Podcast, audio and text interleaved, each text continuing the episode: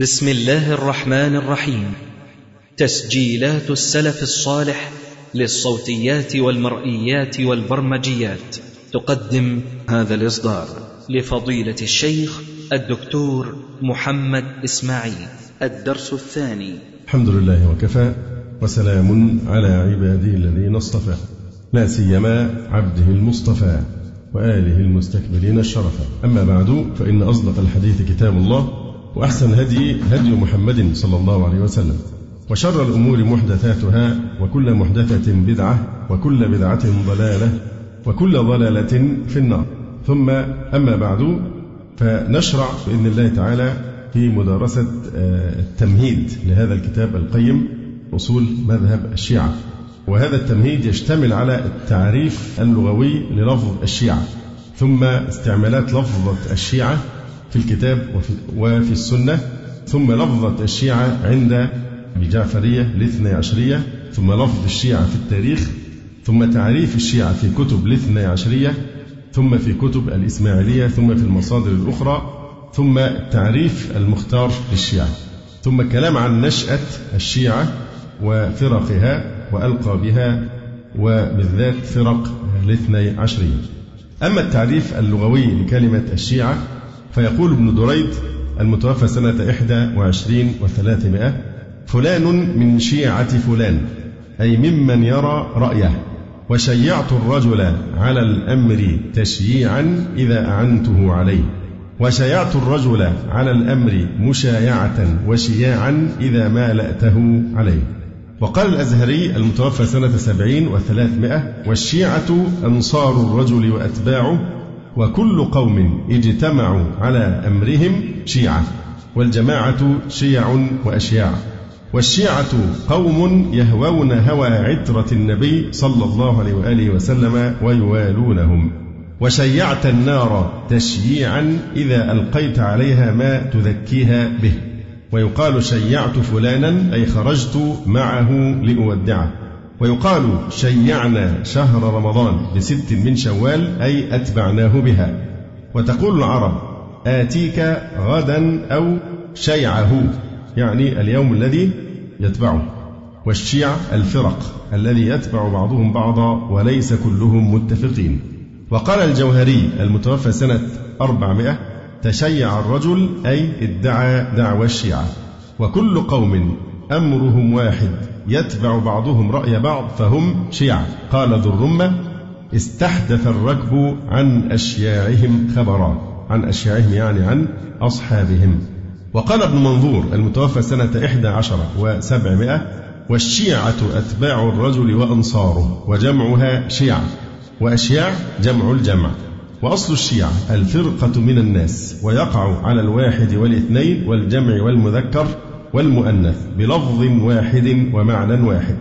وقد غلب هذا الاسم على من يتولى عليا وأهل بيته حتى صار لهم اسما خاصا. فإذا قيل فلان من الشيعة عرف أنه منهم. وفي مذهب الشيعة كذا أي عندهم وأصل ذلك من المشايعة وهي المتابعة والمطاوعة. والشيعة قوم يرون رأي غيرهم وتشايع القوم صاروا شيعا. وشيع الرجل إذا ادعى دعوى الشيعة وشايعه شياعا وشيعه تابعه ويقال فلان يشايعه على ذلك أي يقويه. وقال الزبيدي المتوفى سنة خمس ومائتين وألف كل من عاون إنسانا وتحزب له فهو له شيعة. وأصل الشيعة من المشايعة وهي المتابعة. وقيل عين الشيعة واو من شوع قومه إذا جمعهم. أصل ياء في مادة شيع أصلها واو شوع قومه يعني جمعهم. وقد غلب هذا الاسم الشيعة على كل من يتولى عليا وأهل بيته. وهم أمة لا يحصون مبتدعة وغلاتهم الإمامية المنتظرية. يسبون الشيخين وغلاة غلاتهم يكفرون الشيخين ومنهم من يرتقي إلى الزندقة. هذا كلام الزبيدي رحمه الله. فالشيعة والتشيع والمشايعة في اللغة تدور حول معنى المتابعة والمناصرة والموافقة بالرأي والاجتماع على الأمر أو الممالأة عليه. ثم غلب هذا الاسم كما يقول صاحب اللسان والقاموس وتاج العروس على كل من يتولى عليا وأهل بيته. وهذه الغلبة محل نظر لأنه إذا تأمل الباحث في المعنى اللغوي للشيعة الذي يدل على المتابعة والمناصرة ثم نظر إلى أكثر فرق الشيعة التي غلب إطلاق هذا الاسم عليها يجد أنه لا يصح تسميتها بالشيعة من الناحية اللغوية لأن الشيعة كما قلنا هي الإيه؟ المتابعة والمناصرة والموافقة بالرأي والاجتماع على الأمر أو الممالاة عليه ففي الحقيقة هؤلاء ليسوا شيعة أهل البيت أو ليسوا شيعة علي وأهل بيته لماذا؟ لأنهم في الحقيقة لا يتابعونهم ولا يوافقونهم. تماما كما ذكرنا من قبل في شأن اليهود مع موسى. يعني اليهود يظنون أنهم أسعد الناس بموسى عليه السلام. ثم موسى منهم ومن كفرهم براء. المسيح عليه السلام النصارى يزعمون أنهم أولى الناس بعيسى وأنهم محبوه وأنهم كذا وكذا. وهو منهم براء. فنفس الشيء في حق علي وأهل بيته حينما نتكلم على المعنى اللغوي المشايع بمعنى المتابعة والمناصرة والموافقة في الرأي فهم على الحقيقة ليسوا شيعة أهل البيت ولا يستحقون هذا الوصف لماذا؟ لأنها هذه الفرقة غير متابعة لأهل البيت على الحقيقة بل هي مخالفة لهم ومجافية لطريقتهم هذا على الاعتبار الإيه؟ اللغوي يعني حتى الآن فقط نتكلم في المعنى اللغوي الذي يدور لأن طبعا نحتاج في أي بحث أن نبدأ أولا لأننا نشبه الأعاجم في إلمامنا باللغة في هذه العصور فنحتاج إلى تتبع المادة في مصادر اللغة الأصلية كما فعل الباحث جزاه الله خيرا هنا. فالكلمة تدور حول المتابعة والمناصرة والموافقة بالرأي والاجتماع على الأمر والممالأة عليه. فكل هذه المعاني لا تتوفر في هؤلاء لأنهم في الحقيقة غير متابعين لأهل البيت. فهذا حكم آه، هذا المذهب من حيث اللغة فقط فما بالك آه، ما يأتي بعده من حيث الشرع. ولذلك شريك ابن عبد الله لما سأله سائل أيهما أفضل أبو بكر أو علي؟ فقال له أبو بكر. فقال السائل تقول هذا وأنت شيعي؟ فقال له نعم من لم يقل هذا فليس شيعيا. والله لقد رقى. يعني هنا الإشارة إلى معنى الشيعي بمعنى المتابع لعلي. فمن يتابع عليا على الحقيقة لابد أن يقدم أبا بكر عليه. لم يكتفي بذلك حتى بين له ما يقصد وما يعني حينما قال والله لقد رقى هذه الأعواد علي. المنبر يعني. لقد رقى هذه الأعواد علي. فقال ألا إن خير هذه الأمة بعد نبيها صلى الله عليه وسلم. أبو بكر ثم عمر رضي الله عنهما. فكيف نرد قوله وكيف نكذبه والله ما كان كذابا. إذا هذا المعنى مهم جدا وهو يؤيد ما استنبطناه آه، فقط من الناحية اللغوية. فشريك سأله السائل أيهما أفضل أبو بكر أو عمر؟ فقال أبو بكر فقال السائل تقول هذا وأنت شيعي؟ فقال له نعم من لم يقل هذا فليس شيعيا. من لم يفضل أبا بكر على علي فليس شيعيا ليس متبعا عليا على الحقيقة وليس مشايعا لعلي على الحقيقة. والله لقد رقى هذه الأعواد علي رضي الله عنه. فقال ألا إن خير هذه الأمة بعد نبيها أبو بكر رضي الله عنه ثم عمر رضي الله عنه. فكيف نرد قوله؟ فإذا كان علي قال هذا كيف نرد قول علي؟ وكيف نكذبه؟ والله ما كان كذابا. ولذلك يقول شيخ الإسلام ابن تيمية رحمه الله تعالى وقد روي عن علي هذا خبر متواتر وقد روي عن علي من نحو ثمانين وجها أنه قال على منبر الكوفة خير هذه الأمة بعد نبيها أبو بكر وعمر رضي الله عنهما. وهذا رواه البخاري وغيره بل إن هذا جاء أيضا في كتب الشيعة كتلخيص آه، الشافعي. فالإمام شريك لاحظ أن غير المتابع لعلي لا يستحق اسم التشيع لأن معنى التشيع وحقيقته المتابعة. ولهذا آثر بعض الأئمة أن يطلق عليهم اسم الرافضة. بعض الأئمة يتحرجون من وصفهم بالشيعة لأنهم عند التحقيق ليسوا شيعة ليسوا شيعة علي ولم يوافقوا عليا ولم يتشيعوا لما كان عليه علي في الحقيقة. ومن ثم لا يستحقون أن يوصفوا بأنهم شيعة علي وأهل بيته وإنما هم الرافضة كما سنبين إن شاء الله تعالى. يقول وقد لجأ المتابعون لأهل البيت على الحقيقة والذين كانوا يلقبون بالشيعة. يعني كان الناس اللي هم المتابعين لأهل البيت على الحقيقة كما قال شريك يشايعونهم التشيع المقبول وهو تفضيل أبي بكر وعمر على علي. فالمتابعون لأهل البيت حقيقة كانوا يلقبون أحيانا بالشيعة. لجأوا إلى ترك هذا اللقب لما غلب إطلاقه على أهل البدع المخالفين لأهل البيت. لما شاع لقب الشيعة وصار يطلق على المخالفين لأهل البيت فمن ثم تركوا هذا اللقب حتى لا يوافقوا هؤلاء المبتدع. يقول صاحب التحفة الاثني عشرية رحمه الله تعالى إن الشيعة الأولى تركوا اسم الشيعة لما صار لقبا للروافض والإسماعيلية. ولقبوا أنفسهم بأهل السنة والجماعة. لأن كلمة الشيعة صارت كلمة إيه؟ علامة على أهل البدع. وهذه قاعدة معروفة أن هناك بعض الأمور حتى لو كانت في الأصل مباحة لكنها إذا صارت شعارا لأهل البدع فيعني حينئذ ينبغي تجنبها لكي لا نوافق أهل البدع مع أنها في الأصل على الأقل مباحة. مثلا المثال الذي يحضرني جماعة الفرماوية وقد انقرضت والله الحمد الآن كانوا يهتمون جدا باللون الأخضر بطريقة غريبة حتى إنهم لا يلبسون إلا الأخضر، العمامه خضراء وملابس خضراء، كل شيء أخضر. الغريب إن نسبة كبيرة منهم كانت عيونهم خضراء. كان الفرماوي هذا يصعد على الجدار في الزنزانه وينظر إلى أعلى ويقول هات هات، طبعا الشيطان كان يوحي إليه. ويرى إن أي حديث يصحح عن طريق أن يعرضه على قلبه. فهو إيه؟ قلباني بقى مش قلباني. نعم. ناس ضلال ضلالا مبينا يعني. فيهم شيء من العته كان. ممنوع تقتل أي حشرة ممنوع تسعى للرزق اطلاقا سوف يأتيك رزقك ما دام مقدرا إلى آخره أشياء غريبة جدا فالمهم في هذه الحالة مثلا إذا صار اللون الأخضر شعارا على فرقة ضاله مثل هذه ففي هذه الحالة هو قبل ذلك ممكن إنسان يلبس اللون ما في مشكلة لكن ما دام صار شعارا يعرفون به ففي هذه الحالة يفضل الإنسان يخالفهم ولا يوافقهم لأنه طرأ عليه ما يصرفه إلى غير الإباحة يعني.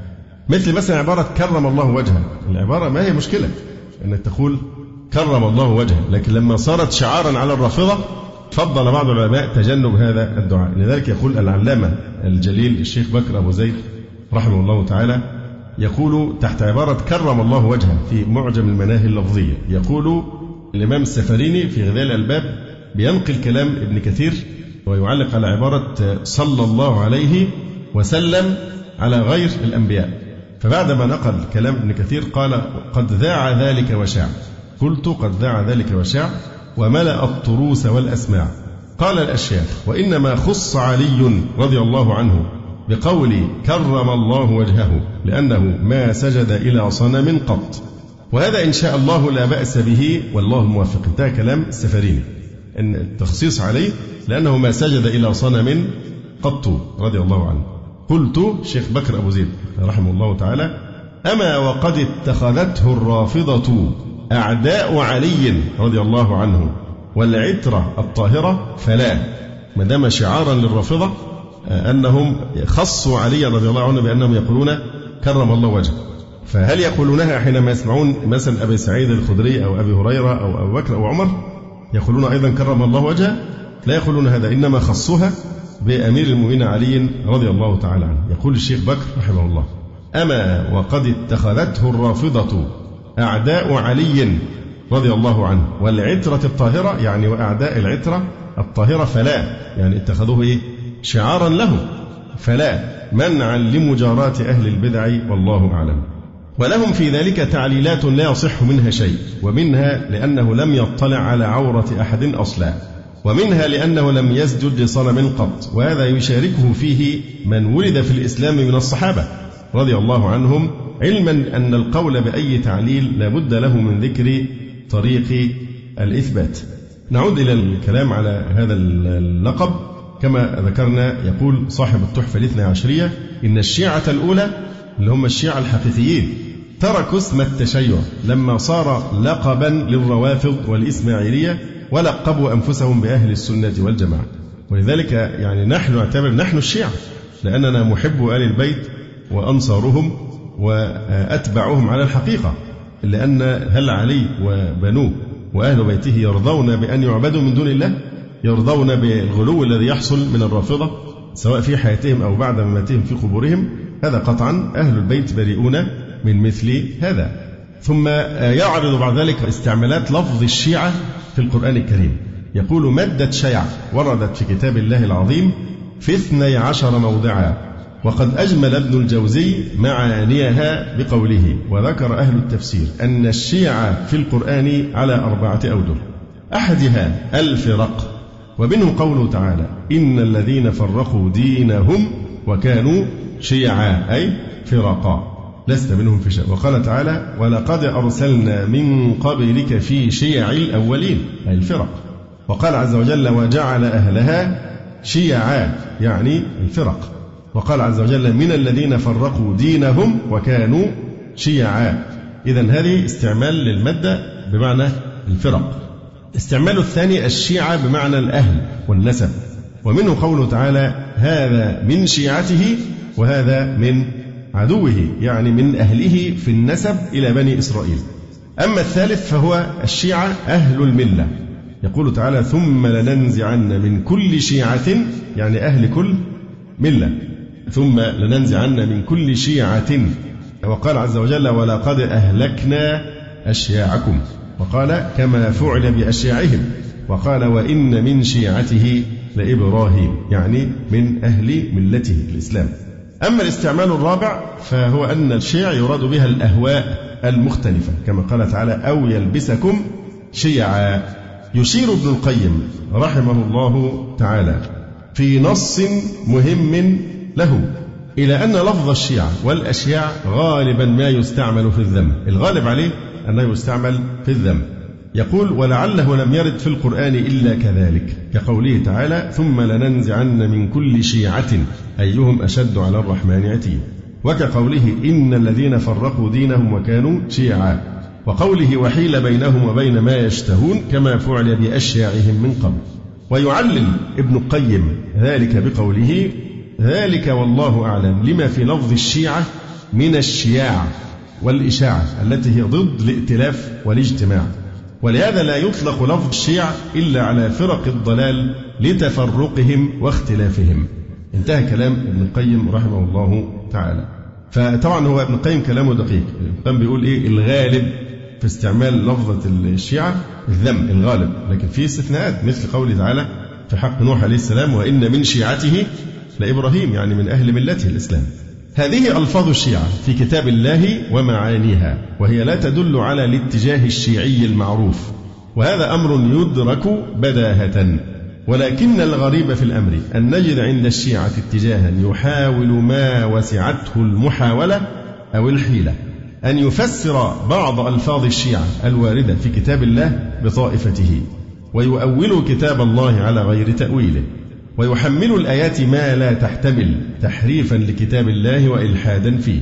فقد جاء في أحاديثهم في تفسير قوله تعالى وإن من شيعته لإبراهيم. إلهاء تعود إلى مين؟ في سورة الصفات.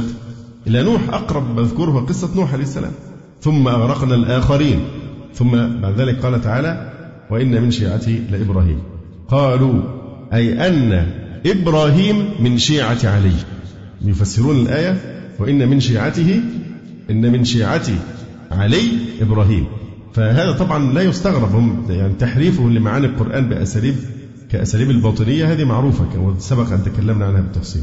فهذا من التمحل لأن مذهبهم لا يوجد له أصل في القرآن. حتى أصل أصول الدين عندهم وهو الإمامة لا يوجد له ذكر. ولذلك يتمحلون ويتكلفون ويتنطعون ويكذبون في إثبات الإمامة من القرآن العظيم لأن أهل السنة دائما يتحدونهم. أصل الدين عندكم الذي من لم يؤمن به يعد كافرا هو إثبات الإمامة. فأين في القرآن الإشارة إلى الاعتقاد في الإمامة؟ فتجدهم يعني يفسدون معاني الآيات ليخرجوا من هذا المأزق الذي يوقعه فيه أهل السنة. فمن هذا الضلال قولهم وإن من شيعته لإبراهيم أي إن إبراهيم من شيعة علي. يعني بيفكروني بالشيوعيين لما كانوا عهد عبد الناصر يعني فيقولوا إن أبا ذر أول اشتراكي في الإسلام. منين أبو ذر؟ واضح ومنين اشتراكي؟ أبو ذر سمع لفظة الاشتراكية. فهذا مخالف لسياق القرآن وأصول الإسلام وهو نابع من عقيدة غلاة الروافض الذين يفضلون الأئمة على الأنبياء. طبعا كالعادة هما كما قلت من قبل يعني أبو عبد الله أو جعفر الصادق رحمه الله تعالى الشيعة ظلموه ظلما بينا. لأنه إمام جليل من أئمة المسلمين ومقامه في العلم والفضل معروف جدا فهم بيستعملوه زي لوحة إعلانات في أعلى مكان في البلدة لوحة إعلانات بالمضاءة كده بالنيون مثلا في وسط الظلمة الظلام ثم يعلقون عليها أي شيء يريدون أن يفتروه وأن يكذبوه. فيقول قال أبو عبد الله قال أبو عبد الله يريدون به جعفر رحمه الله تعالى. دائما أكثر أكاذيب الشيعة ينسبونها إلى أبي عبد الله أو جعفر الصادق. رحمه الله تعالى.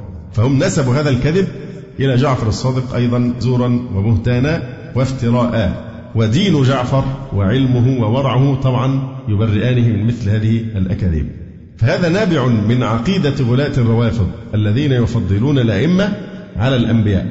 فغلاتهم يعتقدون أن الأئمة أفضل من الأنبياء ومن ثم بيجعلوا مين تابع لمين؟ إبراهيم عليه السلام. تابع تابعا لعلي رضي الله تعالى عنه. فهذا التأويل أو التحريف يجعل خليل الرحمن أفضل الرسل والأنبياء بعد محمد صلى الله عليه وسلم يجعله من شيعة علي. وهو أمر يعرف بطلانه من الإسلام بالضرورة كما هو باطل بالعقل والتاريخ. وهو من وضع وضاع لا يحسن الوضع ولا يعرف كيف يضع. والذي قاله أهل السنة في تفسير الآية والمنقول عن السلف أن إبراهيم من شيعة نوح عليه السلام وعلى منهاجه وسنته. يقول الشوكاني رحمه الله تعالى معلقا على أن هناك قولا ضعيفا في الآية نسب إلى الفراء بأن المعنى وإن من شيعة محمد لإبراهيم. قال الشوكاني ولا يخفى ما في هذا من الضعف والمخالفة للسياق. وقلما والظاهر ما أشرنا إليه وهو أنه يعود على نوح عليه السلام وهو المروي عن ابن عباس وغيره. وقل ما يقال للمتقدم هو شيعة للمتأخر. قل ما يقال للمتقدم هو شيعة للمتأخر. لأن الآيات التي قبل هذه الآية كانت في نوح عليه السلام ويلاحظ أن من مفسري الشيعة من أخذ بقول أهل السنة وأعرض عما قاله قومه في تأويل الآية. فماذا عن لفظ الشيعة؟ في السنة الشريفة في حديث النبي صلى الله عليه وسلم كيف استعمل؟ ورد لفظ الشيعة في السنة المطهرة بمعنى الأتباع كما في الحديث الذي رواه الإمام أحمد في الرجل الذي هو ذو الخويصرة التميمي بذرة الخوارج الذي قال للنبي صلى الله عليه وسلم لم أرك عدلت. لما قسم النبي عليه الصلاة والسلام بعض الأشياء قال أو هذه قسمة ما أريد بها وجه الله والعياذ بالله. فقال النبي صلى الله عليه وسلم فيه أو روي يعني أنه قال سيكون له شيعة يتعمقون في الدين حتى يخرجوا منه. وهذا الحديث في مسند الإمام أحمد وقال عبد الله ابن الإمام أحمد ولهذا الحديث طرق في هذا المعنى صحاح. سيكون له شيعة يتعمقون في الدين حتى يخرجوا منه. يعني أتباع. وهذا الحديث صحح إسناده العلامة أحمد شاكر رحمه الله تعالى. وكذلك رواه ابن أبي عاصم في السنة وقال الألباني إسناده جيد ورجاله كلهم ثقات. فالشاهد هنا كلمة إيه؟ شيعة. سيكون له شيعة يعني أتباع. سيكون له شيعة يتعمقون في الدين حتى يخرجوا منه.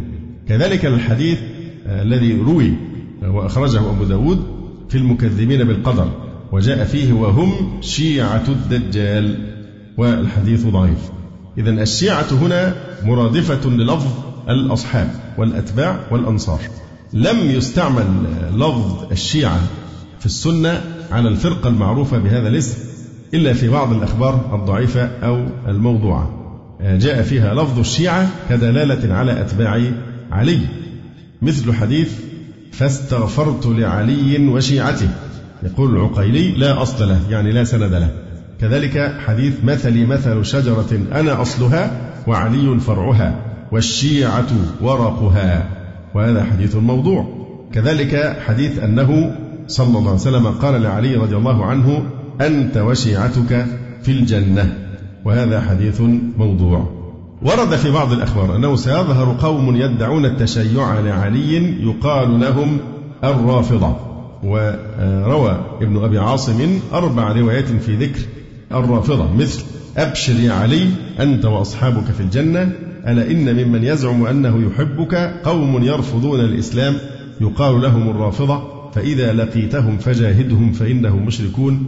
قلت يا رسول الله ما العلامة فيهم؟ قال لا يشهدون جمعة ولا جماعة ويطعنون على السلف. وهذا الحديث أورده الشوكاني في الأحاديث الموضوعة. أن طبعا تعرفون منهج أهل السنة في تنقيح الأحاديث وغربلتها أنهم لا يتبعون الهوى. فممكن الحديث يوافق عقيدتهم أو يخدمها لكنهم لابد أن ينبهوا لأن هذا فيه كذب على النبي صلى الله عليه وسلم. فبخلاف الرافضة فإن الأساس في ترجيح الروايات هو اتباع الهوى فهم يرون ما لهم فقط. أما أهل السنة فيرون ما لهم وما يعني عليهم بمنتهى الإنصاف كما ناقشنا ذلك من قبل بالتفصيل. فجميع الروايات التي جاء فيها أن في قوم يتشاعون لعلي أو يدعون التشيع عليه يسمون الرافضة ضعيفة. وأخرج الطبراني بإسناد حسن كما يقول الهيثمي أن النبي صلى الله عليه وسلم قال يا علي سيكون في أمتي قوم ينتحلون حب أهل البيت لهم نبز يسمون الرافضة قاتلوهم فإنهم مشركون. وفيه الحجاج بن تميم وهو ضعيف. نبه شيخ الإسلام ابن تيمية رحمه الله تعالى إلى كذب لفظ الأحاديث المرفوعة التي فيها لفظ الرافضة لأن اسم الرافضة لم يعرف إلا في القرن الثاني الهجري فهو كذب جميع الأحاديث التي فيها لفظ الرافضة. يقول المصنف هنا إذا صحت أسانيدها فحتكون من باب الإخبار بما سوف يقع في المستقبل كما آه، أخبر عن الخوارج قبل ظهورهم. ثم بعد ذلك ينتقل إلى مناقشة لفظة الشيعة ومعناها في كتب الحديث الاثني عشرية يعني في مراجع الشيعة. يقول وفي كتب الحديث عند الشيعة يتكرر في كثير من رواياتهم وأحاديثهم التي ينسبونها إلى رسول الله صلى الله عليه وسلم وإلى الإمام علي والحسن والحسين وبقية أئمتهم الاثني عشر. لأن طبعا السنة عند الرافضة أو عند الاثني عشرية ليست هي السنة عندنا. السنة عندنا الكتب الستة ومعروفة مراجع الأحاديث. لكن عندهم السنة هي ما قاله الرسول أو الأئمة الاثنى عشر. لكن يشترط أن يأتي عن طريق الأئمة لأنهم في زعمهم إيه؟ معصومون. أما من عدا ذلك فلا يحتجون بالأحاديث. فيتكرر في مصادرهم لفظ الشيعة كمصطلح يدل على فرقتهم وعقيدتهم وأتمتهم. لأن الشيعة يزعمون أن رسول الله صلى الله عليه وسلم هو الذي غرس بذرة التشيع وتعهدها بالسقي حتى نمت وأينعت. ففي أصول الكافي في مسألة النص على الأئمة من الله ورسوله والأئمة كما يزعمون ذكر ثلاثة عشر بابا ضمنها مئة وعشرة أحاديث. فيها أن الرسول صلى الله عليه وسلم نص على الأئمة. بل وصل بهم الأمر في هذا إلى وضع روايات تدل على أن لفظ الشيعة كمصطلح يعبر عن طائفتهم معروف قبل زمن رسالة نبينا محمد صلى الله عليه وسلم. مش بس أن الرسول استعمل هذا اللفظ ليمدح الشيعة لكنه إيه؟ موجود قبل نبينا صلى الله عليه وسلم. فقد جاء في أحاديثهم تفسير قوله سبحانه وإن من شيعته لإبراهيم. أي إن إبراهيم من شيعة علي. بل بلغ بهم الزعم إلى القول قالوا إن الله أخذ ميثاق النبيين على ولاية علي. جميع الأنبياء أخذ الله عليهم ميثاق أن يوالوا عليا.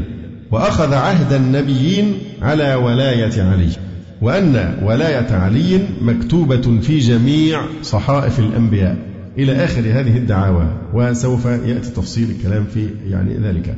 أما لفظة الشيعة في التاريخ الإسلامي ففي الأحداث التاريخية في صدر الإسلام وردت لفظة الشيعة بمعناها اللغوي الصرف وهو المناصرة والمتابعة.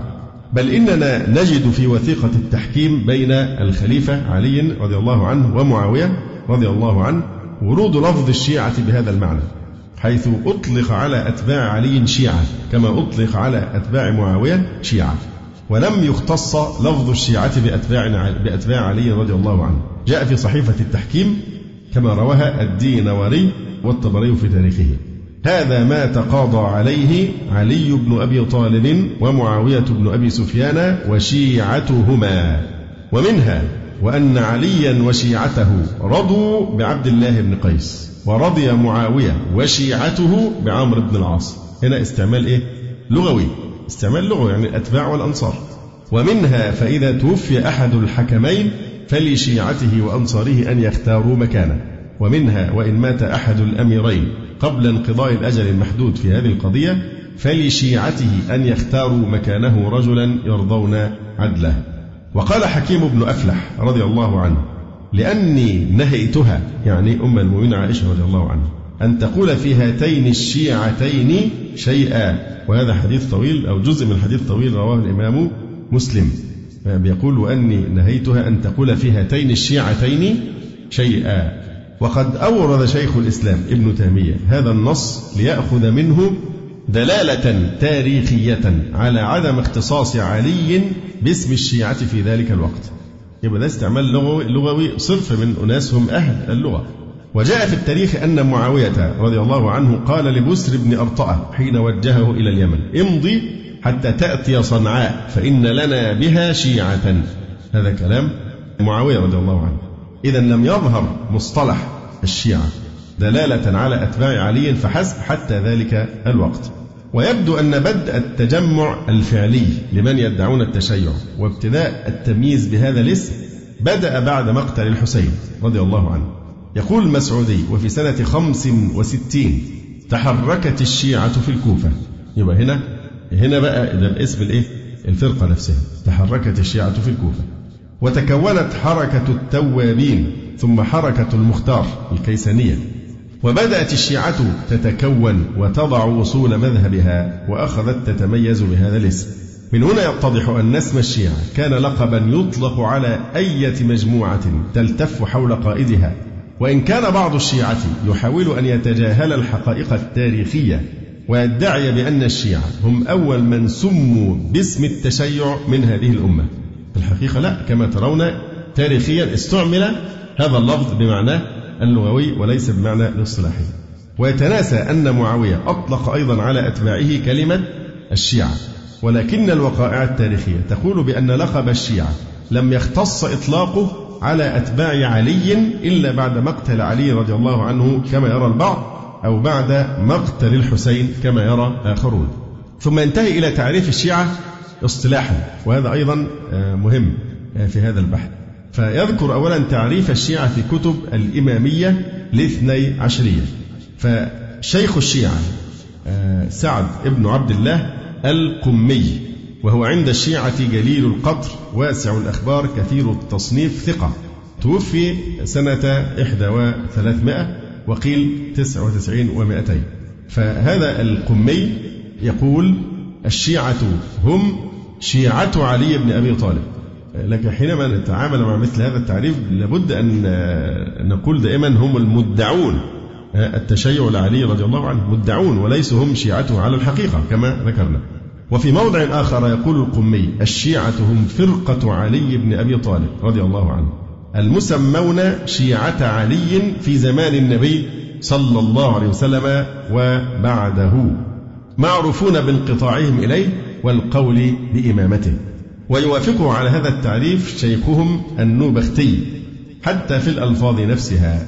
الجميل هنا في هذا البحث أنه بيعرض التعريف من مراجعهم ثم ينتقده ويناقشه. فيناقش هذا التعريف الأول للشيعة من الذي هو من كتب الشيعة.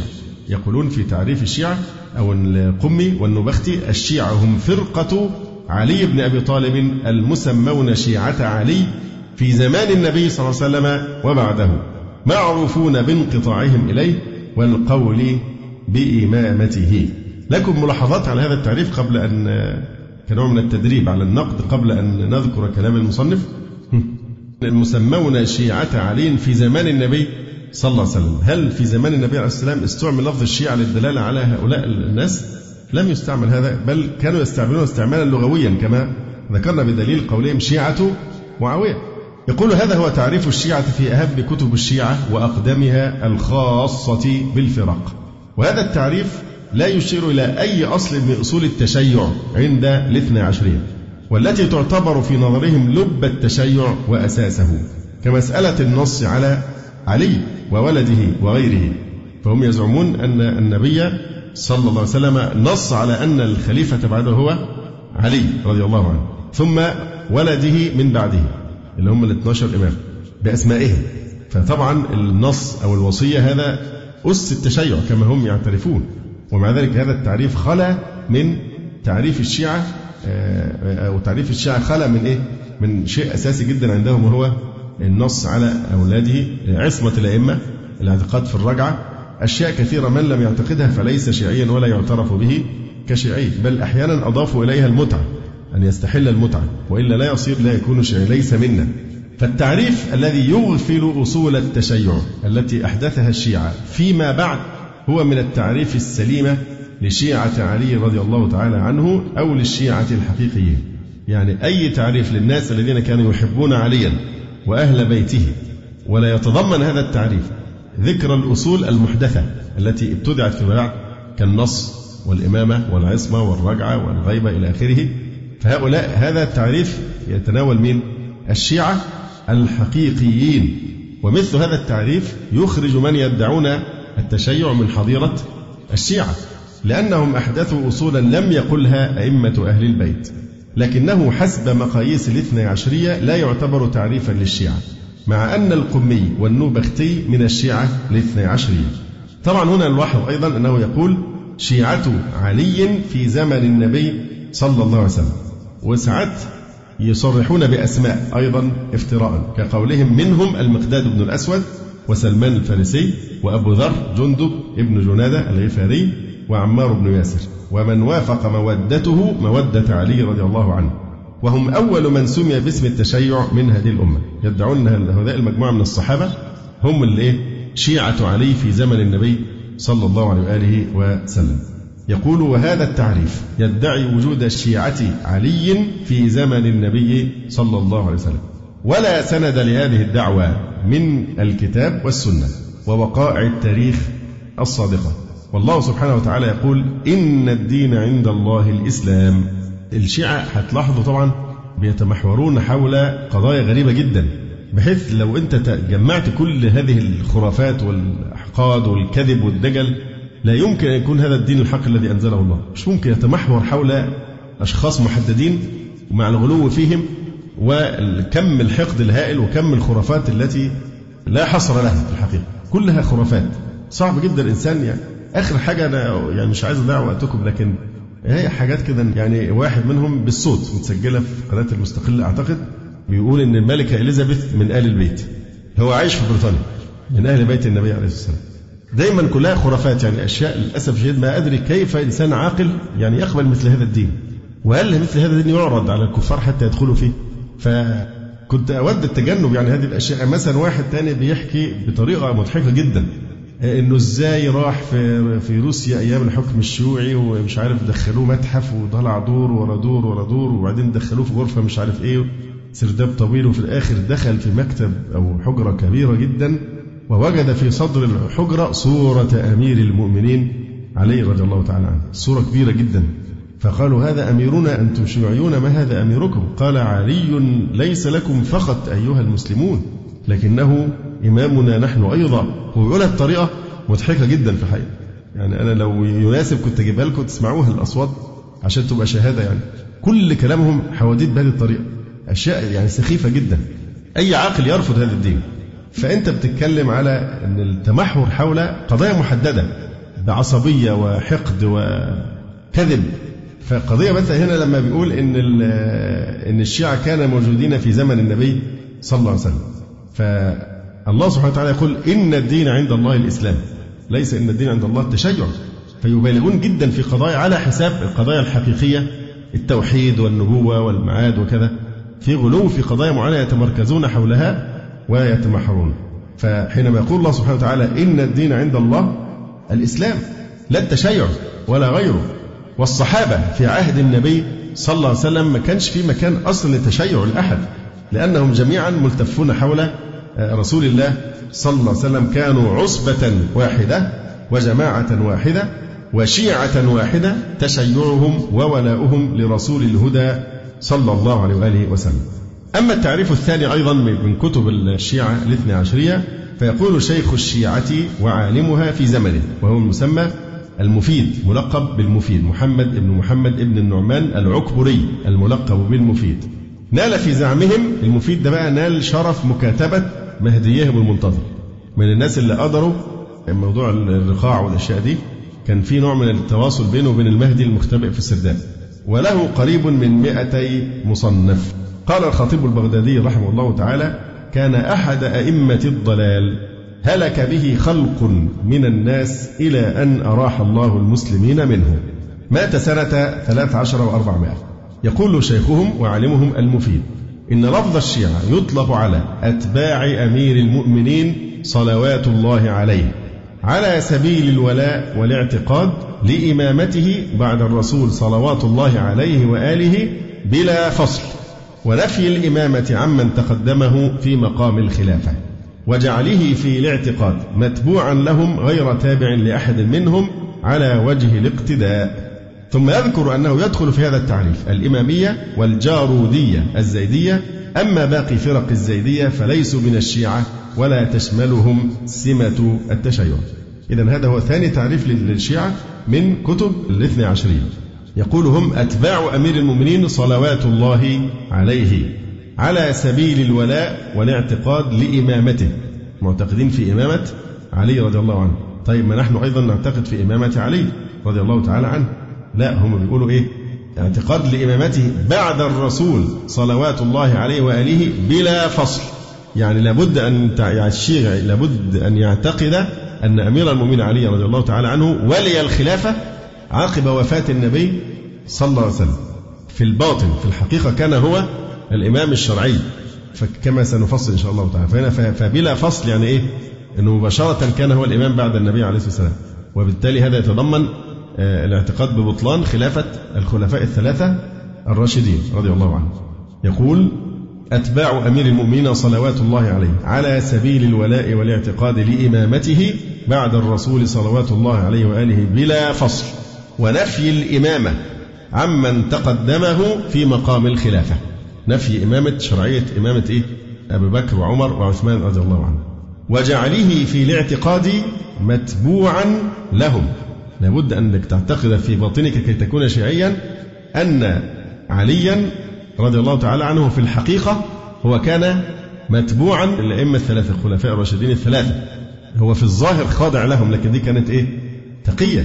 لكن في الحقيقة لأنه لا يخلو الزمان من إمام فكان علي هو الإمام المنصوص عليه بزعمهم بعد وفاة النبي صلى الله عليه وسلم مباشرة. فهو كان في الظاهر تابعا لهم لكن في الباطل هو متبوع لهم. يعني هو القائد بالنسبة لهؤلاء الثلاث على وجه الاقتداء أنه ما يجوز لعلي كان أن يقتدي بأحد من هؤلاء الخلفاء الثلاث يقول هنا في مناقشة هذا التعريف لا نجد في تعريف المفيد هذا ذكرا للإيمان بإمامة ولد علي. هو مركز على علي وحده. في حين أن اعتقادهم لابد يشمل علي وولده من بعده. مع أن من لم يؤمن بهذا فليس من الشيعة عندهم. كما أن هذا التعريف أغفل التصريح ببعض الجوانب الأساسية في التشيع والتي يربط الشيعة وصف التشيع بها كمسألة النص والعصمة وغيرها من أصول الإمامية. يلاحظ أنه نص في تعريفه على إخراج الفرق المعتدلة من الزيدية. هؤلاء لا يعترف بهم كشيعة. ولا يصدق وصف التشيع في نظره إلا على غلاة الزيدية وهم الجارودية. وليس ذلك فحسب بل إنه فتح المجال في تعريفه لدخول الفرق الغالية كلها. أما الجارودية فهي فرقة من فرق الزيدية. وتنسب إلى أبي الجارود زياد بن المنذر الهمداني الأعمى الكوفي. قال عنه أبو حاتم كان رافضيا يضع الحديث في مثالب أصحاب رسول الله صلى الله عليه وسلم ورضي الله عنه. هم يتمسكون بسراب هم غارقون في بحر محيط من الأحقاد على خير من طلعت عليهم الشمس بعد الأنبياء. بسبب هذه الروايات المكذوبة هؤلاء الكذابين الوضاعين يختلقون الأحاديث فيها ما شئت من إيه؟ ذم وكذب وسب للصحابة رضي الله تعالى عنهم أجمعين. حتى طوعت لهم قلوبهم أن يكفروهم ما عدا عددا قليلا جدا. فالجارودية من فرق الزيدية من مقالتهم أن رسول الله صلى الله عليه وسلم نص على علي رضي الله عنه بالإشارة والوصف دون التسمية والتعيين. وأن الأمة ضلت وكفرت بصرفها الأمر إلى غيره.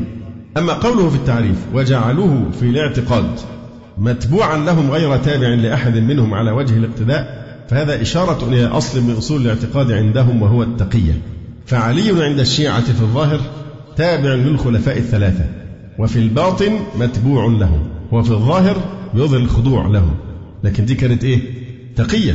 لأنك حينما تأتيهم بالأدلة على أن عليا كان يرى إمامة أبي بكر وعمر بلا خلاف وأنهما أفضل منهم بلا شك كما تواتر عنه. حتى مع عثمان هو أيضا كان يعتقد قطعا بشرعية إمامة أمير المؤمنين ذي النورين رضي الله تعالى.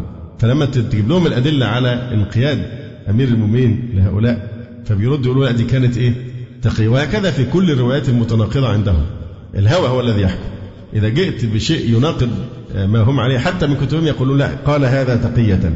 فهم يزعمون أن عليا انقاد للأئمة الخلفاء الثلاثة تقية قبل أن يمكن هو فعلي عند الشيعة في الظاهر تابع للخلفاء الثلاثة وفي الباطن متبوع لهم. فاتباعه للخلفاء في نظر المفيد وشيعته. ليس على وجه الاقتداء وإنما هو على وجه التقية. وليس على وجه الاعتقاد وإنما هو على وجه الموافقة في الظاهر فقط. أما قوله بالاعتقاد بإمامة علي بعد الرسول صلى الله عليه وسلم بلا فصل فهذا مبني على إنكار الشيعة لصحة خلافة خلفاء الراشدين. وقد شرح مفيدهم هذه الجملة وفصل القول فيها في كتاب آخر.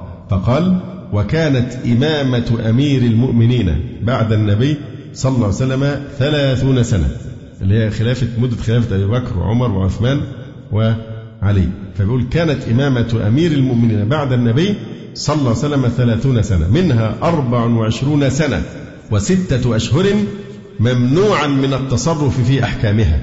كان لا يستطيع أن يباشر سلطاته كإيه؟ كخليفة. ممنوعا من التصرف في أحكامها مستعملا للتقية والمداراة. ومنها خمس سنين وستة أشهر ممتحنا بجهاد المنافقين من الناكثين والقاسطين والمارقين. يبقى الفترة الأولى 24 سنة ونصف هو كان الإمام الحق لكن كان مشلولا لا يستطيع أن يمارس سلطته لأنه كان يداري ويتقي الخلفاء. وبعدين الفترة بقيت الفترة بقى ممتحنا بإيه؟ بجهاد المنافقين. اوعوا تظنوا المنافقين بقى بتوع عبد الله بن أبي المنافقين يقصد بهم الصحابة رضي الله تعالى عنهم أجمعين. لأنهم حتى يصفون الصحابة في عهد النبي عليه السلام بأنهم إيه؟ منافقون وكفار إلى آخره. وتسمع أساطير غريبة جدا يعني. إن أبا بكر ده كان في الجاهلية وقابل واحد كاهن وقال له ده أنت في نبي سوف يبعث وتتبعه مش عارف إيه. وأنت تهتملك بالحكم بعده يعني. فأبو بكر بقى إيه؟ دخل في الإسلام وعز الله يعني نفاقا وكذبا من أجل الوصول للسلطة متعة شهوة السلطة والحكم عند أبي بكر رضي الله عنه. وحاشاه. وإنه كل حياته كانت عبارة عن تأمر إلى حد أنهم ادعوا أن عائشة وحفصة وابو بكر وعمر كانوا عملوا مؤامرة وهم الذين قتلوا النبي صلى الله عليه وسلم. دين كله كذب، كله كذب. إذا حذفنا الكذب والخرافات والأحقاد ما يبقى عند الشيعة شيء، ما يبقى شيء. فبيقول بقى ستة أشهر اللي هي بقى لما بقى أميرا للمؤمنين ولي بالفعل بقى في الظاهر والباطن كان ممتحنا مبتلا بجهاد المنافقين من الناكثين والقاسطين والمارقين. أما شيخهم ابن بابويه القمي فشرح بقى العبارة. من الناكثين بقى؟ المراد بالناكثين الذين بايعوا بالمدينة ونكثوا بيعته بالبصرة. والقاسطين معاوية وأصحابه من أهل الشام والمارقين أصحاب النهروان. ومضطهدا بفتن الضالين كما كان رسول الله صلى الله عليه وسلم ثلاث عشر سنة من نبوته ممنوعا من أحكامها. وهذا الرسول صلى الله عليه وسلم في الفترة المكية كان ممنوع من أحكام النبوة هو يتبع الوحي لكن النبوة معلنة وظاهرة ممنوعا من أحكامها خائفا ومحبوسا هاربا ومطرودا لا يتمكن من جهاد الكافرين ولا يستطيع دفعا عن المؤمنين. ثم هاجر وأقام بعد الهجرة عشر سنين مجاهدا للمشركين ممتحنا بالمنافقين. يقصد بهم الصحابة إلى أن قبضه الله جل اسمه إليه وأسكنه جنات النعيم. إذا في نظر المفيد وصف التشيع لا ينطبق إلا على من اعتقد أن خلافة علي بن أبي طالب رضي الله عنه ممتدة من حين التحاق الرسول بالرفيق الأعلى إلى أن توفي علي رضي الله تعالى عنه. ولا صحة لخلافة الخلفاء الثلاثة. فلا يصدق حسب تعريفه وصف التشيع بعد وفاة رسول الله صلى الله عليه وسلم إلا على ثلاثة من الصحابة. وباقي الصحابة هم في نظر الشيعة كفار كالمشركين الذين عاصرهم الرسول صلى الله عليه وسلم. والحكومة كافرة وعلي يعيش بينهم متسترا بالتقية والنفاق.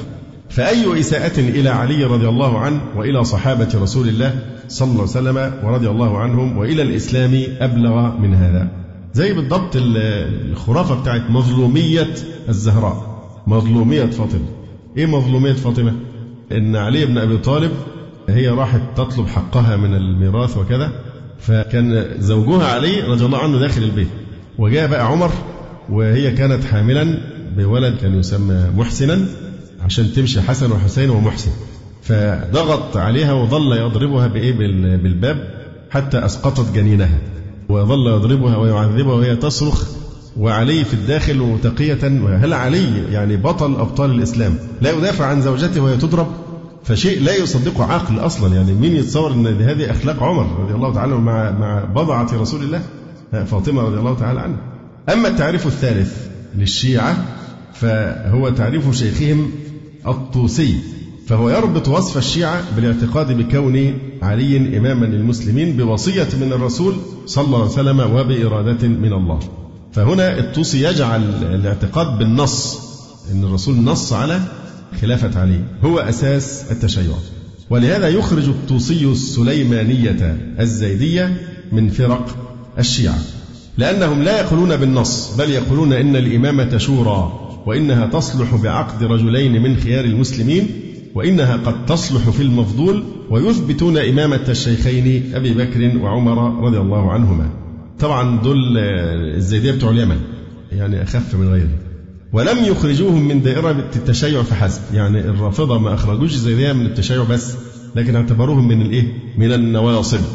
يعني الذين يناصبون أهل البيت العداء ولم يكتفوا بذلك. فقد جاء في رجال الكشي أن الزيدية شر من النواصب. ويجري هذا الحكم من الاثني عشرية على كل فرق الزيدية التي تقول برأي السليمانية كالصالحية والبترية. ويذهب بعض شيوخهم المعاصرين إلى ما ذهب إليه الطوسي فيقصر وصف التشيع على من يؤمن بالنص على خلافة علي. فيقول بأن لفظ الشيعة علم على من يؤمن بأن عليا هو الخليفة بنص النبي صلى الله عليه وسلم. طبعا مسألة النص محل اهتمام الشيعة البالغ في القديم والحديث. شيخهم الكليني يعقد في كتابه الكافي ثلاثة عشر بابا في مسألة النص على الأئمة. مجموع الأحاديث التي تضمنها هذه الأبواب 109 أحاديث. 109 حديث في النص على علي رضي الله عنه. ونرى في الحاضر أحد الروافض يؤلف كتابا كتاب مكون من ستة عشر مجلدا بيتكلم على حديث واحد فقط. حديث واحد من أحاديثهم التي يستدلون بها على النص على علي وهو حديث الغدير. وكتاب اسمه كتاب الغدير في ستة عشر مجلدا حول قضية النص. فلا غرابة في أن يربط الشيعة وصف التشيع بقضية النص. لكن اللافت للنظر أن هذا الاهتمام والمبالغة يسري في كل عقائدهم التي هي محل استنكار وتكذيب من جمهور المسلمين. فتراهم في كل عقيدة من هذه العقائد التي هذا شأنها يجعلونها هي عمود التشيع وأساسه. كأنه الأسس كتير قوي. فيجوا في قضية معينة يركزوا عليها قوي حيث تقول دي أصل الدين الأعظم.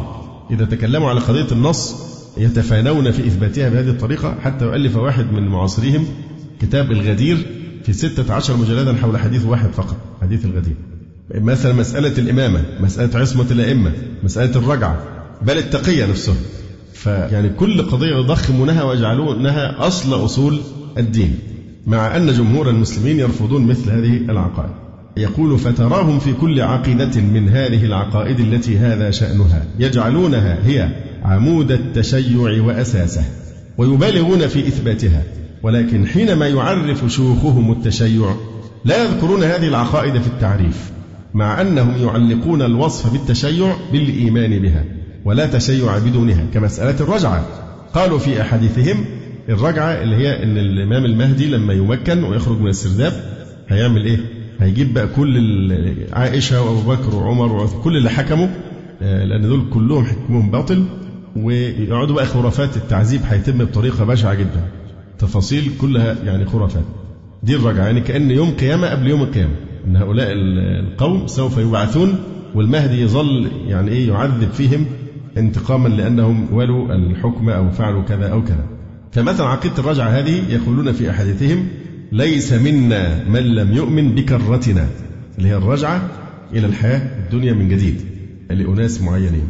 ومع ذلك لا ترى لها ذكرا في تعريف التشيع. وكذلك مسألة العصمة. كذلك الإيمان بخلافة ولد علي وغيرها. بل تجد هذه المبالغة حتى في مسائل الفقه وقضايا الفروع. كمسألة المتعة. قالوا ليس منا من لم يستحل متعتنا. فالقوم ليسوا على منهج واضح سليم في ذلك. ثم يذكر تعريف أخرى للشيعة مثلا النجاشي من علمائهم يقول الشيعة الذين إذا اختلف الناس عن رسول الله أخذوا بقول علي وإذا اختلف الناس على علي أخذوا بقول جعفر بن محمد. طيب ما تكمل. إذا اختلفوا على جعفر بن محمد إيه الحل؟ هل جعفر بن محمد أفضل من الرسول عليه السلام أو أفضل من علي؟ فبيقول الشيعة الذين إذا اختلف الناس عن رسول الله أخذوا عن علي. وإذا اختلف الناس عن علي أخذوا بقول جعفر بن محمد. فإذا قلوا إذا اختلف النقل عن جعفر بن محمد فماذا يأخذون؟ آه، ليس في التعريف جواب على ذلك إلا إذا كان هذا التعريف يشير في توقفه عند جعفر ابن محمد إلى أن النقل عنه لا يختلف.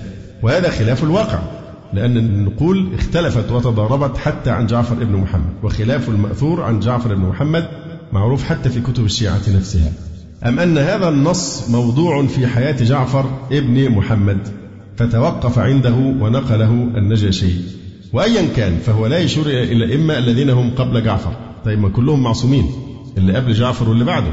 كما لا يشير إلى الأئمة الذين يأتون بعده ثم في هذا التعريف خروجا عن منهج الإسلام.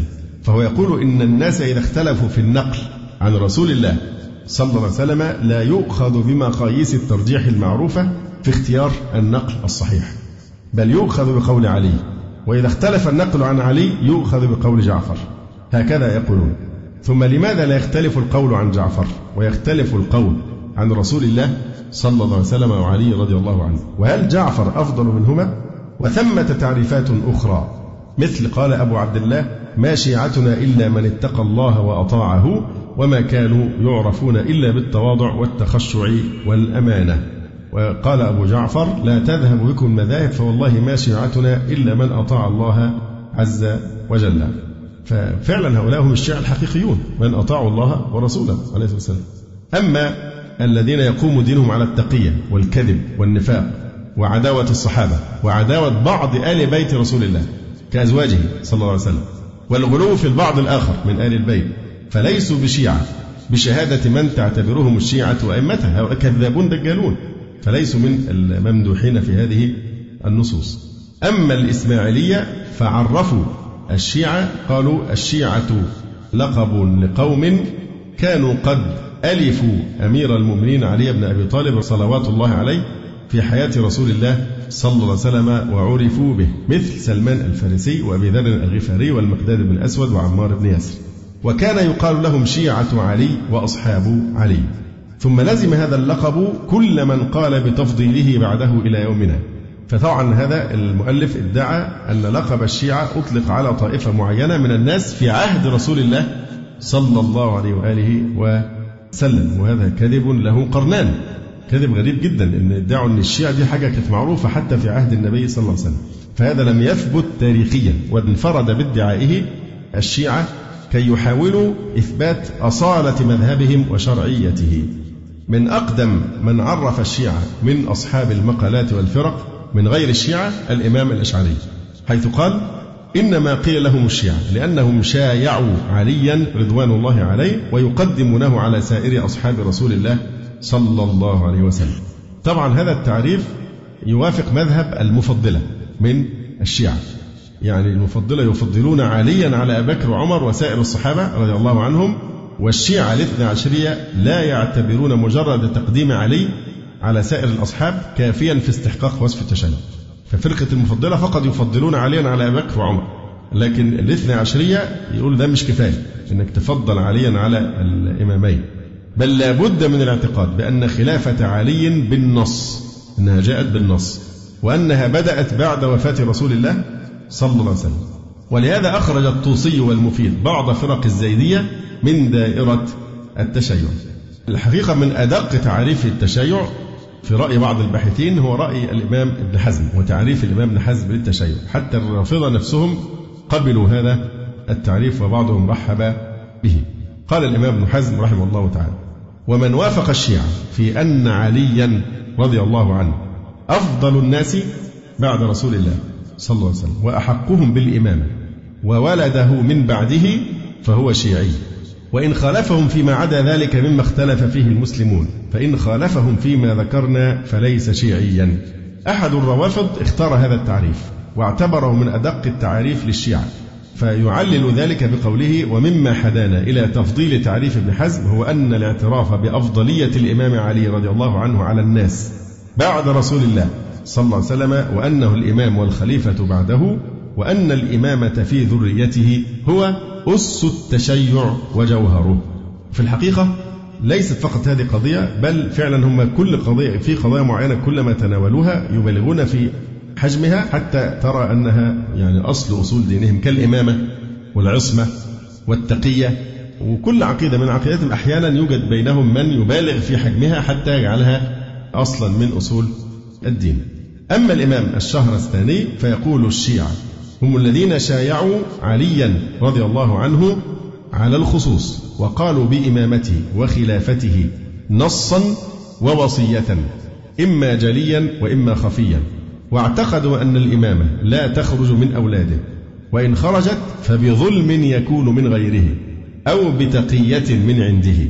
وقالوا ليست الإمامة قضية مصلحية تناط باختيار العامة.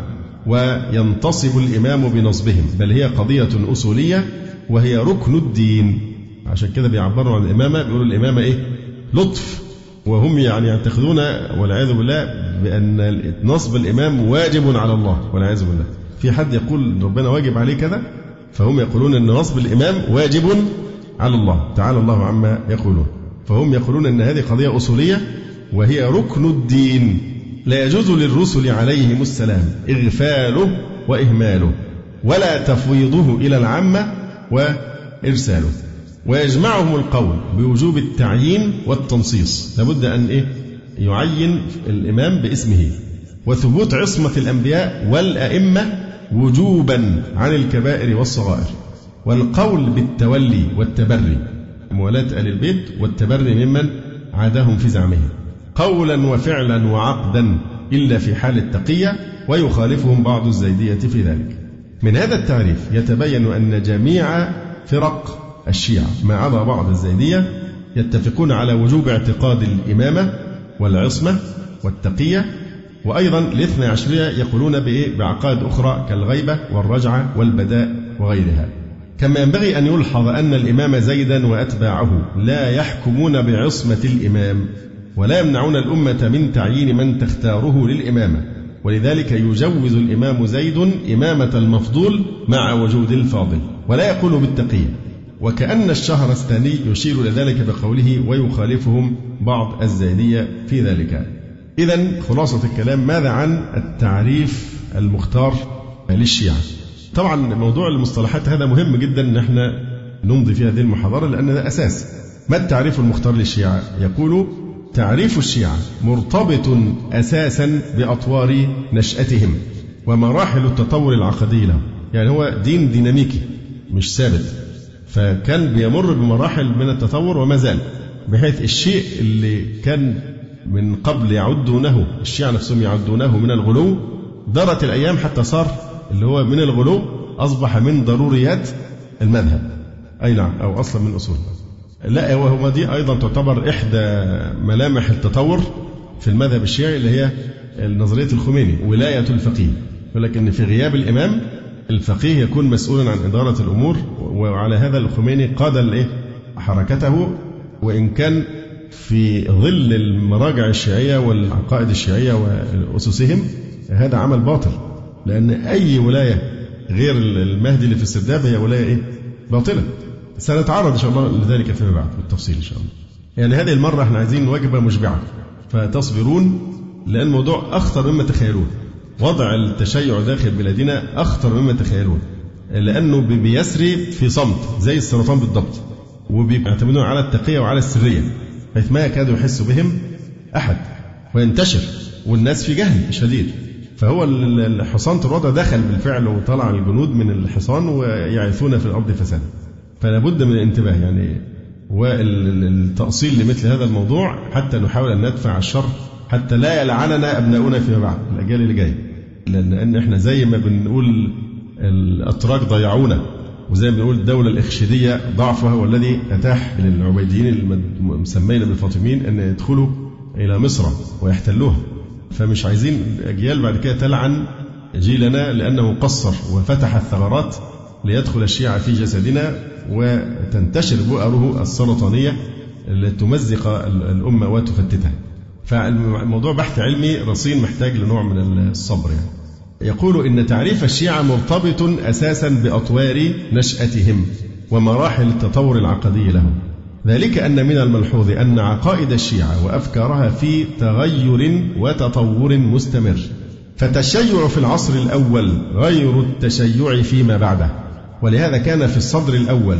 لا يسمى شيعيا إلا من قدم عليا على عثمان. يبقى ده أحد استعمالات لفظة الشيعة. أي واحد أعتقد أن علي أو مش في أبو بكر وعمر فقط في إيه؟ المفاضلة بين علي وعثمان رضي الله تعالى عنهما. ففي الصدر الأول كان لا يسمى شيعيا إلا من قدم عليا على عثمان. ولذلك كان يقال شيعي وعثماني. شيعي في هذا السياق يبقى إيه؟ مشايعا لعلي رضي الله عنه ومفضلا أن الشيعي هو من قدم عليا على عثمان. أما العثماني فهو من قدم عثمان على علي رضي الله تعالى عنهما. فعلى هذا يكون التعريف تعريف الشيعة في الصدر الأول أنهم الذين يقدمون عليا على عثمان فقط. بس كده مجرد تقديم أنه أفضل منه لكن لا إبطال لخلافة عثمان ولا التطاول على مقام أبي بكر وعمر رضي الله عنهما. يبقى دي مرحلة من مراحل هذا المصطلح. وهؤلاء وإن سموا بالشيعة فهم من أهل السنة. اللي هم مين بقى؟ نتكلم على الشيعة بمعنى من قدم إيه؟ عليا على عثمان بيطلق عليه في مرحلة من مراحل في صدر الأمة أنه شيعي. يبقى ده مرحلة من المراحل. لكن مع ذلك مع أنه يوصف بأنه شيعي لكن هذا لا يزال من أهل السنة. لأن مسألة عثمان وعلي رضي الله عنهما ليست من الأصول التي يضلل المخالف فيها. لكن المسألة التي يضلل فيها هي مسألة الخلافة. وقد كان بعض أهل السنة اختلفوا في عثمان وعلي رضي الله عنهما بعد اتفاقهم على تقديم أبي بكر وعمر أيهما أفضل؟ فقدم قوم عثمان وسكتوا. قالوا يعني أبو بكر وعمر ثم إيه؟ عثمان وسكتوا. أو ربعوا بعلي. وقدم قوم عليا فقالوا في الأفضلية أبو بكر ثم عمر ثم علي. وقوم توقفوا لا رجحوا عليا ولا عثمان. لكن استقر أمر أهل السنة على تقديم عثمان وأن ترتيبهم في الفضل كترتيبهم في الخلافة. فده استعمال ما فيهوش مشكلة كبيرة أن الشيعة بمعنى من قدم عليا على عثمان. ولذلك ذكر شيخ الإسلام ابن تيمية رحمه الله تعالى. أن الشيعة الأولى الذين كانوا على عهد علي كانوا يفضلون أبا بكر وعمر رضي الله عنهما. وقد منع شريك بن عبد الله وهو ممن يوصف بالتشيع منع إطلاق اسم التشيع على من يفضل عليا على أبي بكر وعمر. وذلك لمخالفته لما تواتر عن علي في ذلك. والتشيع يعني المناصرة والمتابعة لا المخالفة والمنابذة. وروى ابن بطة عن شيخه المعروف بأبي العباس بن مسروق. قال حدثنا محمد بن حميد. قال حدثنا جرير عن سفيان عن عبد الله بن زياد بن جدير قال قدم أبو إسحاق السبيعي الكوفة. قال لنا شمر بن عطية قوموا إليه فجلسنا إليه. فتحدثوا. فقال أبو إسحاق خرجت من الكوفة وليس أحد يشك في فضل أبي بكر وعمر وتقديمهما وقدمت الآن تغير. وقدمت الآن وهم يقولون ويقولون ولا والله ما أدري ما يقولون. يقول الشيخ محب الدين الخطيب رحمه الله تعالى هذا نص تاريخي عظيم في تحديد تطور التشيع. فإن أبا إسحاق السبيعي كان شيخ الكوفة وعالمها. ولد في خلافة أمير المؤمنين عثمان قبل شهادته بثلاث سنين وعمر حتى توفي سنة سبع وعشرين ومائة. وكان طفلا في خلافة أمير المؤمنين علي. وهو يقول عن نفسه رفعني أبي لأنه كان قصيرا طفل فرفعني أبي حتى رأيت علي بن أبي طالب يخطب أبيض الرأس واللحية. ولو عرفنا متى فارق الكوفة ثم عاد فزارها لتوصلنا إلى معرفة الزمن الذي كان فيه شيعة الكوفة علويين يرون ما يراه إمامهم من تفضيل أبي بكر وعمر. ومتى أخذوا يفارقون عليا؟ حصل تطور. ويخالفونه فيما كان يؤمن به ويعلنه على منبر الكوفة من أفضلية أخويه صاحبي رسول الله صلى الله عليه وسلم ووزيريه وخليفتيه على أمته في أنقى وأطهر أزمانها. انتهى كلام الشيخ محب الدين رحمه الله تعالى. وقال ليث بن أبي سليم أدركت الشيعة الأولى وما يفضلون على أبي بكر وعمر أحدا. لكن هل يفضلون عثمان على علي؟ لا يفضلون عليا على عثمان ولذلك سماهم إيه؟ الشيعة الشيعة الأولى. أدركت الشيعة الأولى وما يفضلون على أبي بكر وعمر أحدا. لكن كانوا يفضلون إيه؟ يعتقدون أن عليا أفضل من عثمان. وذكر صاحب مختصر التحفة أن الذين كانوا في وقت خلافة الأمير رضي الله عنه من المهاجرين والأنصار والذين اتبعوهم بإحسان كلهم عرفوا له حقه وأحلوه من الفضل محله ولم ينتقصوا أحدا من إخوانه أصحاب رسول الله صلى الله عليه وسلم فضلا عن إكفاره وسبه. هكذا كان الصحابة رضي الله تعالى عنهم. لكن لم يظل التشيع بهذا النقاء والصفاء والسلامة والسمو بل إن مبدأ التشيع تغير فأصبحت الشيعة شيعا وصار التشيع قناعا يتستر به كل من أراد الكيد للإسلام والمسلمين من الأعداء الموتورين الحاسدين. ولهذا نرى بعض الأئمة لا يسمون الطاعنين بالشيخين بالشيعة بل يسمونهم بالرافضة لأنهم لا يستحقون وصف التشيع. ومن عرف التطور العقدي لطائفة الشيعة لا يستغرب وجود طائفة من أعلام المحدثين وغير المحدثين من العلماء الأعلام أطلق عليهم لقب التشيع وقد يكونون من أعلام السنة. ممكن نجد أئمة كبارا من أئمة الحديث ويوصف بأنه إيه؟ متشيع أو فيه تشيع. فطبعا في هذه الحالة يقصد بالتشيع إيه؟ إنه اجتهد فرأى أن عليا أفضل من عثمان. لأن للتشيع في زمن السلف مفهوما وتعريفا غير المفهوم والتعريف المتأخر للشيعة.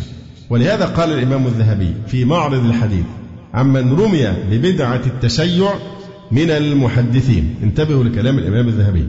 يقول رحمه الله إن البدعة على ضربين فبدعة صغرى كغلو التشيع أو كالتشيع بلا غلو فهذا كثير في التابعين وأتباعهم مع الدين والورع والصدق. فلو رد حديث هؤلاء لذهب جملة من الآثار النبوية وهذه مفسدة بينة يعني المتشيع الذي يرى تقديم عليا على عثمان رضي الله تعالى عنهما. ففي هذه الحالة سنرد جملة كبيرة من الأحاديث لأن من المحدثين من كان شيعيا بهذا المعنى. فهذه بدعة إيه؟ صغرى. يقول ثم بدعة كبرى كالرفض الكامل والغلو فيه والحط على أبي بكر وعمر رضي الله عنهما والدعاء إلى ذلك. فهذا النوع لا يحتج بهم ولا كرامة. وأيضا فما أستحضر الآن في هذا الضرب رجلا صادقا ولا مأمونا. يقول إن كانت البدعة الصغرى فهذه إيه؟ نتهاون فيها وما في بأس لأن إذا رددنا روايات من كان شيعيا بهذا المعنى سنرد قسما كبيرا جدا من الروايات. لأن كما ذكرنا القضية دي بالذات المجتهد فيها لا يعتبر إيه؟ خارجا عن أهل السنة والجماعة. لكن بيقول بقى البدعة الكبرى بقى الرفض الكامل اللي هو يرفض أبا بكر وعمر وعثمان ويغلو في ذلك ثم يتناول أبا بكر وعمر إيه بالسب والإهانة ونحو ذلك. ويدعو إلى هذه البدعة وهذا الضلال. يقول هذا فهذا النوع لا يحتج بهم ولا كرم. هذا النوع من أصحاب الروايات أو الرواه لا يحتج بهم إطلاقا.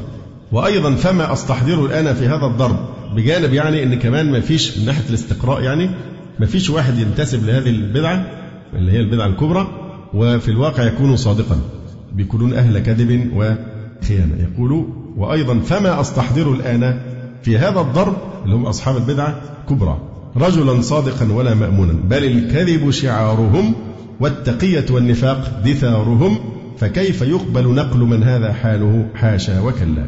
فالشيعي الغالي في زمان السلف وعرفهم هو من تكلم في عثمان والزبير وطلحة ومعاوية وطائفة ممن حارب عليا رضي الله عنه وتعرض لسبهم.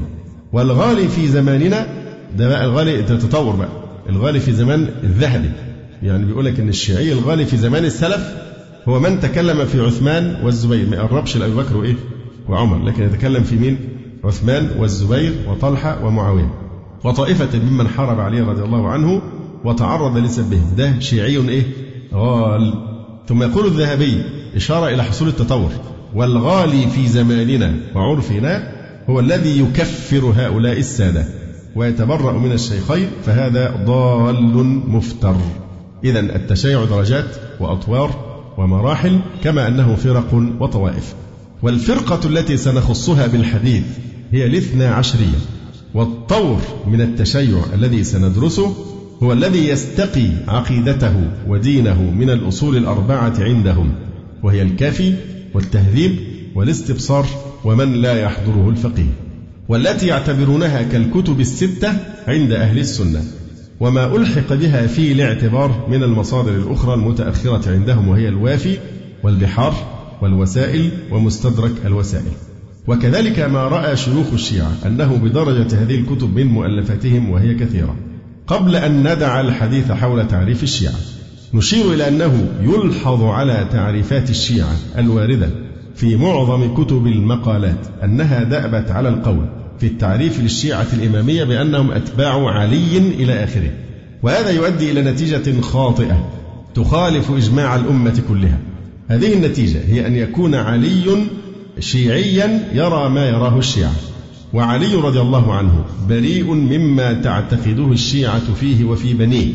ولذلك لا بد من وضع قيد واحتراز في التعريف رفعا للإبهام. فيقال هم الذين يزعمون اتباع علي. ما تقولش الذين إيه؟ أتباع علي. لكن تقول في التعريف هم الذين يزعمون اتباع علي حيث إنهم لم يتبعوا عليا في الحقيقة وليس أمير المؤمنين على ما يعتقدون. أو يقال بأنهم المدعون التشيع لعلي أو الرافضة كما سبق. ولذلك عبر عنهم بعض أهل العلم بقوله الرافضة المنسوبون إلى شيعة علي. هذا كلام شيخ الإسلام في منهاج السنة. تنظر الدقة يقول هم الرافضة المنسوبون إلى شيعة علي. فهم منسوبون لكن في الحقيقة لا يصح انتماؤهم إلى علي وأهل بيته. فهم أيضا ليسوا على منهج شيعة علي المتبعين له بل هم أدعياء ورافضة. نكتفي بهذا أقول قولي هذا وأستغفر الله لي ولكم. سبحانك اللهم ربنا وبحمدك أشهد أن لا إله إلا أنت أستغفرك وأتوب إليك. جزى الله فضيلة الشيخ خير الجزاء ونسأل الله جل وعلا أن يرفع مكانة الشيخ في المهديين وأن يجعله علما من أعلام الهدى والدين. ولا تنسونا وتنسوا الشيخ من دعوة صادقة بظهر الغيب. وتقبلوا تحيات إخوانكم في تسجيلات السلف الصالح بالإسكندرية. هاتف رقم صفر ثلاثة فاصل أربعة تسعة أربعة سبعة ستة خمسة اثنان. والتليفون محمول صفر عشرة واحد ستة أربعة واحد تسعة ثمانية صفر. والسلام عليكم ورحمة الله وبركاته.